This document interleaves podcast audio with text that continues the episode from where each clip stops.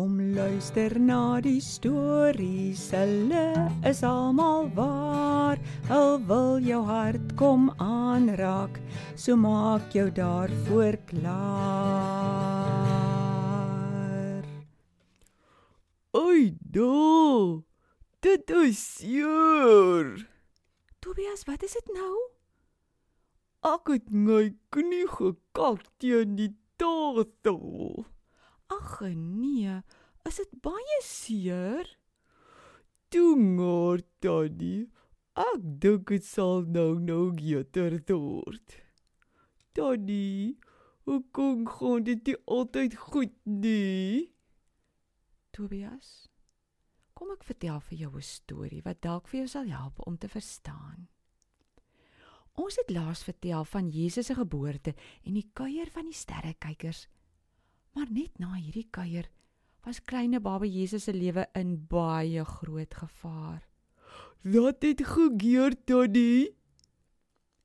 Tobias, jy onthou dat koning Herodes in Jerusalem vir die sterrekykers gesê het waarom baba Jesus te kry en dat hy ook vir hom wil gaan kuier. Ja, ek onthou. Maar dis nou juis die ding. God het vir een van die sterrekykers 'n droom gegee. In die droom het God vir hom gewaarsku. Daarskie geteken hulle moet versigtig wees ter gesaar. Ja, hulle moes nie teruggaan na koning Herodes toe nie. En 'n engel het ook weer 'n keer vir Josef in 'n droom kom kuier. Sjoe, daddy, dis dit 'n belangrike iets dat hy kon sê. Ja, Tobias, die engel het vir Josef gesê om so vinnig as moontlik vir baba Jesus en sy mamma Maria te vat en na die land Egipte toe te vlug. Hoe kom daddy? Want die wrede koning wou vir baba Jesus doodmaak. Ag, nee. Ja, toe staan hulle sommer in die donker nag op, hulle drietjies, pak al hulle goedjies en begin loop na Egipte toe. 'n Klein tydjie nadat hulle weg is, het 'n vreeslike ding gebeur. Koning Herodes het agtergekom die sterrekykers het nie vir hom kom sê waarom die baba Jesus te kry nie. Hy raak toe vreeslik woedend kwaad. So erg kwaad dat hy soldate gestuur het na Bethlehem, daar waar Jesus mos gebore was. Hy het vir die soldate gesê dat hulle alle baba seentjies wat amper 2 jaar was en jonger moes doodmaak. Dis verskriklik, Tannie. Daar gebeur baie keer lelike dinge in die wêreld. Ja, Tobias, selfs 'n ou profeet met die naam Jeremia het al in die Ou Testament hierdie lelike ding voorspel. Dis baie hartseer. Maar ek is so bly dat Josef hulle weggevlug het voor die soldate ter gaga Jesus kon kry. Ah, ah, daddy, het hulle lank in die vreemde land Egipte gebly? Tobias, ons weet nie hoe lankie. Ons weet net dat hulle daar gebly het tot koning Herodes dood is. 'n Engel het toe weer vir Josef gesê, hulle kan nou maar teruggaan na die land Israel. Maar hoe het Josef geweet daar hulle moet gaan bly? Tobias, ons God is regtig 'n wonderlike God. Hy sal altyd vir ons mooi vertel wat ons moet doen wanneer hy 'n opdrag gee. God het weer in 'n droom vir Josef kom kuier en vertel hy moet in die deel van Israel gaan woon wat hulle Galilea noem. Hulle het in die dorpie Nasaret gaan woon. Weet jy, hy was nog bitter klein toe vat Josef en Maria vir hom na die tempel toe in Jerusalem. Hulle het 'n offer gebring van duwe en in die tempel vir God gaan sê dat hulle wil hê die baba moet altyd vir God leef. Das daar ander mense ook in die tempel daddy? Ja, Daar was baie mense, maar ek wil jou vertel van twee ou mense. 'n Oom met die naam Simeon en 'n tannie met die naam Anna. Toe Josef en Maria in die tempel inkom, het Simeon dadelik deur die Heilige Gees geweet dat hierdie baba Jesus is wat sou kom na die aarde toe, soos Jesaja voorspel het. Simeon het vir Maria gevra of hy asseblief die baba bietjie kan vashou. Maria gee hom toe in sy arms. Toe Simeon die baba so vashou, het hy vir God begin prys. Hy het gesê: "Dankie, dankie dat ek die baba kan sien voor ek doodgaan." Hy het ook vir Josef en Maria geseën.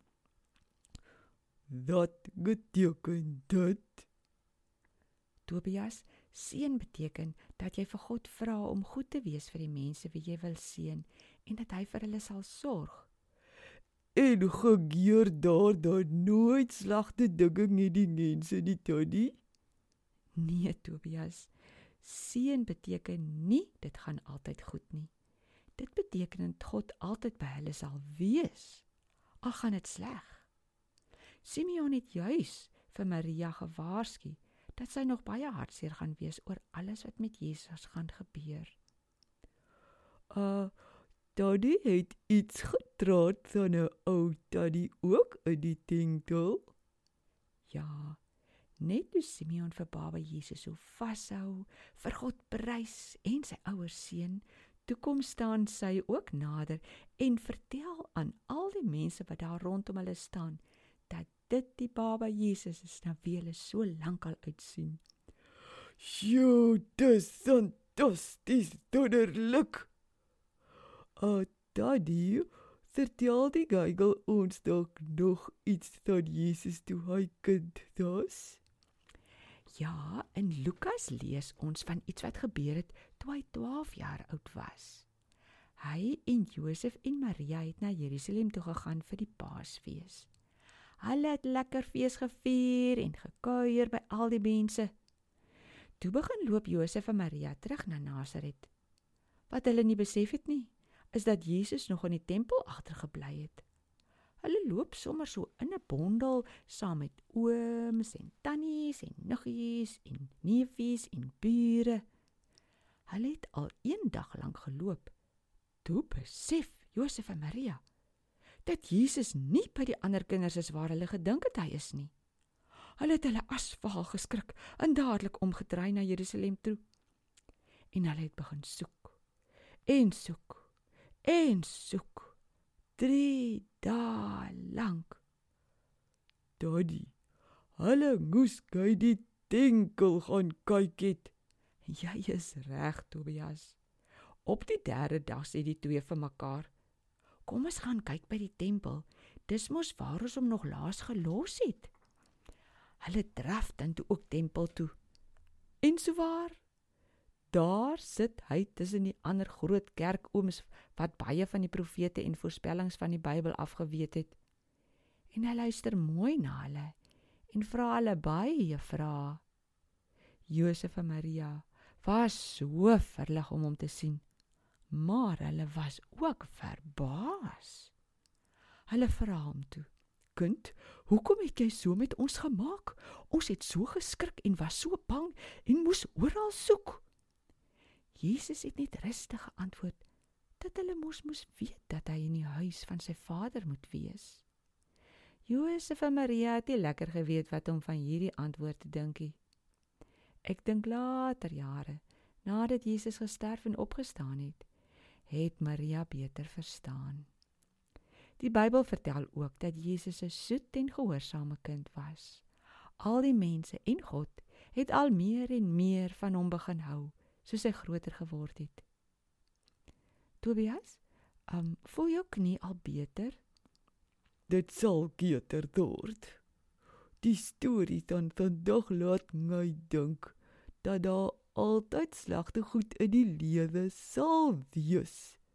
Selfs toe Jesus op die aarde was. Songs geskerring hy ons dan die slegte dinge. Gaar songs gebeur daar wel slegte dinge net kinders van God. Maar Tobias, Jesus is altyd altyd by ons. Al gebeur ook wat. In slegte en hartseer tye ook. En die sleg hou darm nie vir altyd aan nie. Dit word weer beter. Ja, Gaga Jesus moes ter tyd in Egipte bly. Maar toe raak dit beter en hulle kan teruggaan na Nasaret. Dis nou fantasties wonderlik. En hy gly ook gey gey tot ek en tannie weer 'n volgende storie vertel. Jesus het dit beloof, Tobias. So ons kan dit glo. Ons gesels weer. Totsiens.